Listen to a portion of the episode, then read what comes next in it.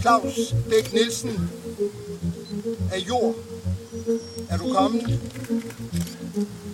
Til jord skal du blive, og af jorden skal du igen opstå.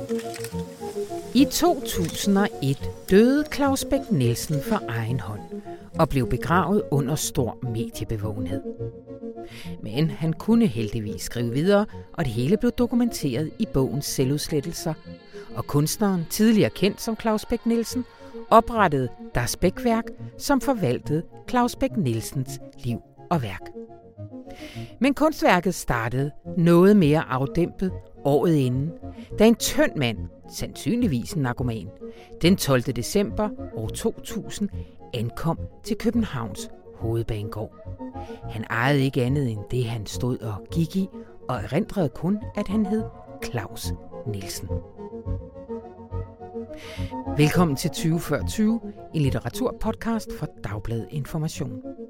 Igennem 20 episoder vil avisens tre litteraturanmeldere, Kisaja Ulrike Raude Mogensen, Erik Skyrum Nielsen og Tue Andersen Næksø, udforme en dansk litteraturhistorie for det 21. århundrede, med udgangspunkt i de begivenheder, der tegnede de to årtier. Mit navn er Anna von Sperling, og rigtig hjertelig velkommen til.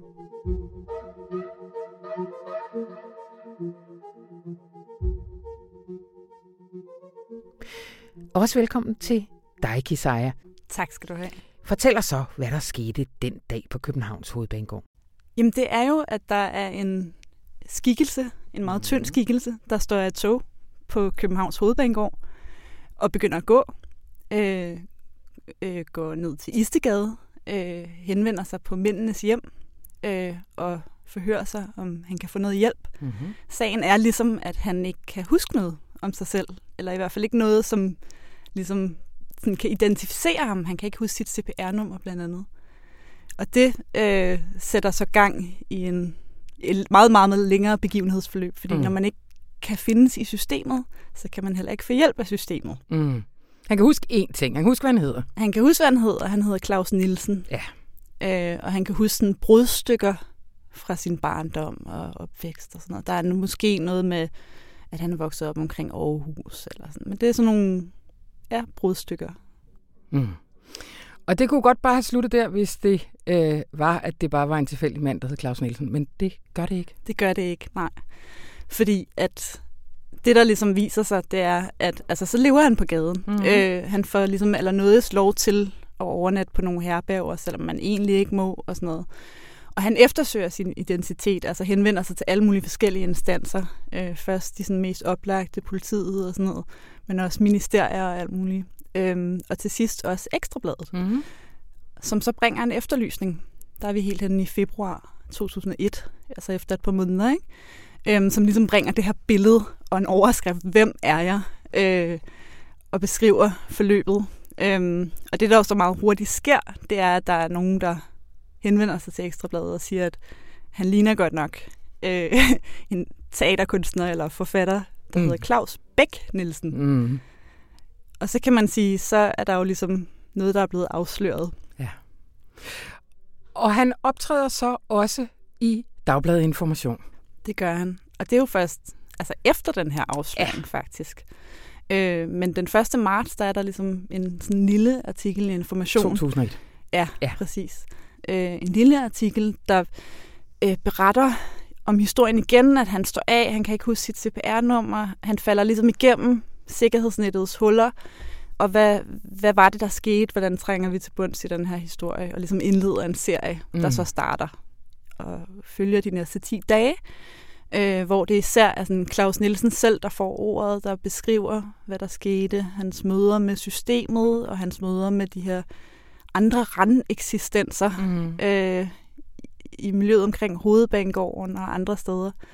Øhm, men som altså ikke nævner noget om det her med ekstrabladet, i hvert fald ikke selve artiklerne. Okay. Udenom er der så til gengæld en præsentation af, hvad der egentlig er på spil. Der er sådan en faktaboks, som man jo kender fra mm. det sådan journalistiske format, ikke? Ja. som beskriver, at Claus Bæk Nielsen øh, ligesom 24 timer ad gangen tager det her bæk ud af sit navn og bliver til Claus Nielsen, og så går på gaden. Mm. Og ligesom lader, som om han har det her hukommelsestab. Så, så der er ingen, der bliver snydt her på avisen. Internt ved altså øh, fra starten, fordi det finder man ud af sidenhen, at Christian Lund, der på det tidspunkt er øh, kulturredaktør her på stedet, han har egentlig længe haft en plan med Claus Bæk Nielsen om at, at lave, lave noget spændende grænseoverskridende ja. øh, Ja, de kender jo hinanden. De har gået ja. på forfatterskolen ja. sammen og sådan noget. Ikke? Altså, jeg tror, avisen ved det sådan set godt. Ja. Øh, altså, det bliver jo også præsenteret med en leder og sådan noget, der, der også beskriver, okay, vi er i et mellemfelt her. Det er ikke rigtig journalistik, det er heller ikke rigtig kunst. Vi ved ikke rigtig, mm. hvad det er. Så kommer der en række reaktioner udefra? Så kommer, altså igennem hele forløbet begynder læserbrevene ligesom at tikke ind, og der er nogen, mm. der bliver trygt i, i information med folk, der er træt af at høre om Claus Nielsen og hans projekt, øh, og som også mener, at det her løfte, der ligesom er blevet givet i den første artikel med at trænge til bunds i historien, at det lever artiklerne jo ikke rigtig op til. Mm. De forvirrer måske mere, ikke? Ja. Øh, og som i det hele taget også ligesom angriber, hvad skal man sige, det etiske i det. Altså det her med at i en eller anden forstand foregive, man er en anden og bruge systemets tid. Øh, en af reaktionerne, der kommer, er også fra Robert Olsen, som på det her tidspunkt er forstander for Mændenes Hjem, ja. øhm, og som har en lidt anden udlægning af sagen, øh, som blandt andet ligesom peger på, at hver gang man har tilbudt Claus Nielsen her hjælp, så er han sjov nok forsvundet, øh, forduftet ja. på en eller anden måde. Ikke? Øh, og som jo altså ligesom er vred over det her med, at han optager en plads, som der er en anden, der kunne have haft. Ikke? Ja. Hvor sådan en som Günther Wallraff, han gik ligesom undercover som indvandrerarbejder mm. i Tyskland, ikke? Øh, for bagefter så at skrive om det og pege på, hvordan systemet var racistisk ja. og øh, problematisk på alle mulige måder. Og det er jo ikke helt det samme, der sker her. Øh, så det er ligesom det, der, der sådan forarver ja. folk. Ikke? Altså, fordi i virkeligheden så forvirres den her serie, artikelserie måske ikke helt så meget, som den forarver. Nej. Altså, for folk, jeg tror, altså, der er mange, der godt ligesom genkender det som kunst på en eller anden måde, eller ja. i hvert fald som noget andet men de bliver forarvet over, hvad formålet med det er, ikke? Ja. Altså. ja. Fast forward 20 mm. år efter sidder vi og kigger tilbage. Du slutter din øh, artikel af med at skrive, at øh, kunsten består i at skabe begivenheder i en verden for bagefter og skrive om dem. Det er mm. ikke forfatterens spektakulære død, der er den store begivenhed her, men umiddelbart så uspektakulær transportscene på en tog perron i år 0. Mm. Og det henviser selvfølgelig til, at Claus Bæk Nielsen sidenhen får en øh, ret lang og også spektakulær øh, hvad skal man sige, tilstedeværelse i dansk kunst og litteratur med blandt andet sin egen død. Øh, mm. Kan du ikke lige give sådan en kort beskrivelse? Et meget kort ris, ja, jo. Meget kort altså, I dag er Claus Bæk Nielsen jo nok først og fremmest altså, kendt som Madame Nielsen, ja. ikke? Øh, og har ligesom haft mange forskellige identiteter igennem de sidste 20 år. Altså det, der ligesom han er mest kendt for, er at erklære sig selv for død. Og det sker to år efter øh, hele det her Claus Nielsen-projekt. Ja. Øh, I nogle bøger, blandt andet en biografi, en posthum selvbiografi, han ligesom skriver, øh, hvor han på en eller anden måde tager konsekvensen af det her projekt med at ikke at kunne huske sit CPR-nummer. Simpelthen ligesom erklære sig selv helt død, identitetsløs. Ja. Så på den måde, det er jo den indflydelse, man kan sige, begivenheden får på forfatterskabet helt ja. konkret. Ikke? Altså, det kommer simpelthen til at udløse en hel masse besvær og begivenheder, og hvordan skriver man en bog, når man er død, og alle de her ting. Mm. Ikke? Mm. Øh, bredere set, kan man sige, at altså, vi snakker jo meget om autofiktion ja. i de her år. Ikke? Det har fyldt enormt meget de sidste 20 år, og der er Claus Bæk Nielsen jo også et navn, man meget ofte tager frem, fordi det er så radikalt på en eller anden måde. Altså det her med at erklære sig selv som for død, øh, og ligesom realisere det uden for bøgerne også, ikke? Ja. Altså det har ja. han gjort i sit liv. Øh, og det er jo, hvad skal man sige, en ret voldsom øh, øh, impact, det får mm. på den måde. Øhm. Er jeg, nu kan jeg lov til mig at være lidt dum. Ikke? Mm. Jeg har aldrig læst en bog af Claus Bæk Nielsen. Nej. Jeg tror, der er rigtig mange lyttere derude, der udmærket kender ham, hende, men aldrig nogensinde har læst en bog. Kan man, altså, jeg tror, det diskuteres vældig meget på litteratur, historie og sådan nogle studier. Altså, er han sådan lidt en forfatter-forfatter, noget et eller andet, eller mere en performancekunstner? Altså, hvad? Jamen, det er jo det, der ligesom er besværet. Altså, ja. det besværer, hvad skal man sige, litteraterne så jo også med, ikke? Ja. Altså, fordi hvad er det egentlig, han laver? Altså sådan noget som den her biografi, jeg nævnte, som er hans mest kendte værk, kan Ja. man sige, ikke? Altså, det samler jo blandt andet de her artikelserier, Ja. og det samler alle mulige andre dokumenter og ting og sager. Og det er jo ikke, det er ikke en roman i den forstand, vel? Eller han skriver, eller foregiver i hvert fald at skrive om begivenheder, der virkelig sker mm. udenom, ikke? Mm. Altså, og det samme kommer mange af hans senere bøger så også til at gøre. Og det er ligesom hele det her sådan, jeg tror det er blevet kaldt et uafgørlighedsfelt, ikke? Aha, Altså hvor ja. ja. man ikke helt kan afgøre, hvad der er fiktion og hvad der er virkelighed, og hvor bogen ligesom begynder. Ej.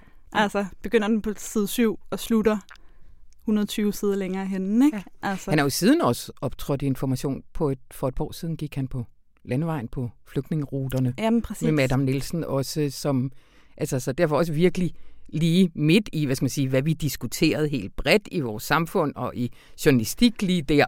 Og det er jo det, at man kan sige, at, at det er ligesom en metode, der opstår her Ja. med Claus Nielsen. Ikke? Altså, Ja. Hvor han på en eller anden måde går ind i, i et eller andet brandpunkt i samfundet. Ikke? Ja. Øh, og så skriver om det og bruger sig selv, men på en meget øh, særlig måde, Ja. eller forvirrende måde til det. Ikke? Og hvem har så siden, hvis man kigger på dansk litteratur, siden taget den metode op, eller hvad? Ja, altså jeg vil sige, det er måske ikke, altså det der også er sjovt ved Claus Bæk Nielsen er jo, at han er den her ener i Ja. dansk litteratur, ikke? Altså det er svært at sammenligne med nogen, og man kan heller ikke måske tale om, at den her begivenhed sådan bliver en bølge, der danner, danner ting, men det er på en eller anden måde et meget radikalt udtryk for nogle mm, bredere tendenser, som vi har set rigtig meget, mm. ikke? Altså, øh, altså hele det her med, at man ikke skriver fiktion, for eksempel, at man skriver om sit eget liv, altså det autofiktive i en eller anden forstand, men også at det bliver sløret, hvornår er den her forfatterperson en forfatter, er der en biografisk person Mm. bagved,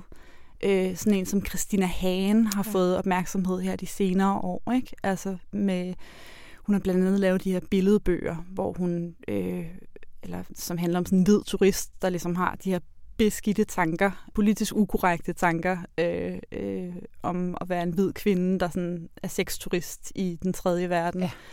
Ja. Øh, og hun har jo ligesom også skrevet i aviser om det, men hvor Ja. man ikke helt har kunne afgøre sådan, Nå, men er det den samme fiktiv, er det den her turist, der taler, mm. eller Mhm. hvad er det, ikke? Altså, og det har affødt en hel masse debatter, hvor man igen har diskuteret det etiske også, ikke? Ja. Altså, så det er ligesom, det er nogle ting, der på en eller anden måde ret grundlæggende sådan, har, har fyldt i de sidste 20 år, ikke? Ja.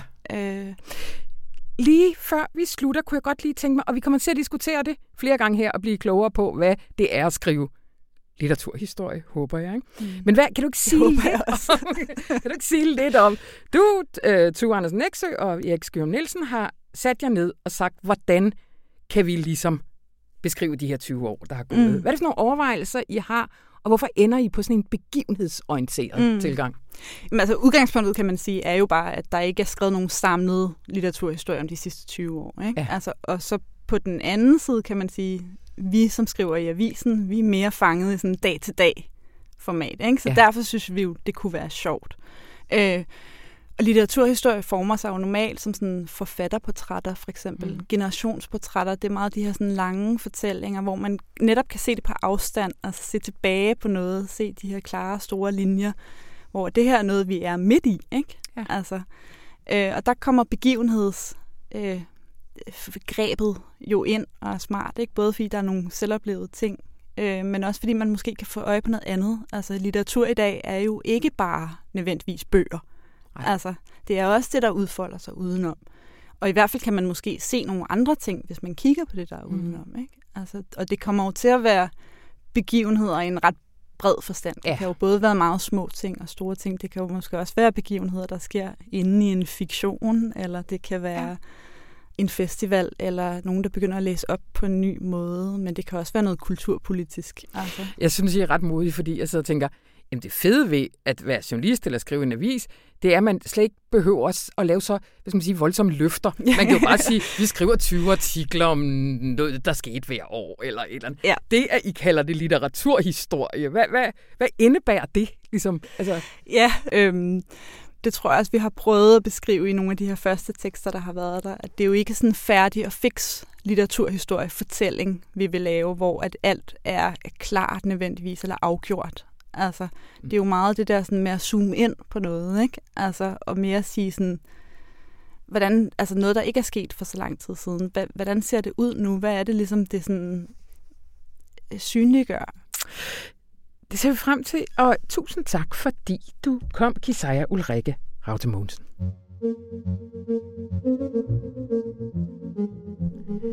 Det var 20 før 20 for denne gang. Lyt endelig med næste gang. Og læs også med, fordi Informationsforlag har udgivet en bog af samme navn, hvor de tre anmeldere går meget mere i dybden, end vi kan nå her. Du kan købe den på butik.information.dk. Og er du abonnent på avisen, så får du 15% i rabat. Og er du ikke, så kan du skynde dig ind og skrive dig op til en måned gratis, så får du ligeledes rabatten. Mit navn det er Anna von Sperling. Tak fordi du lyttede med.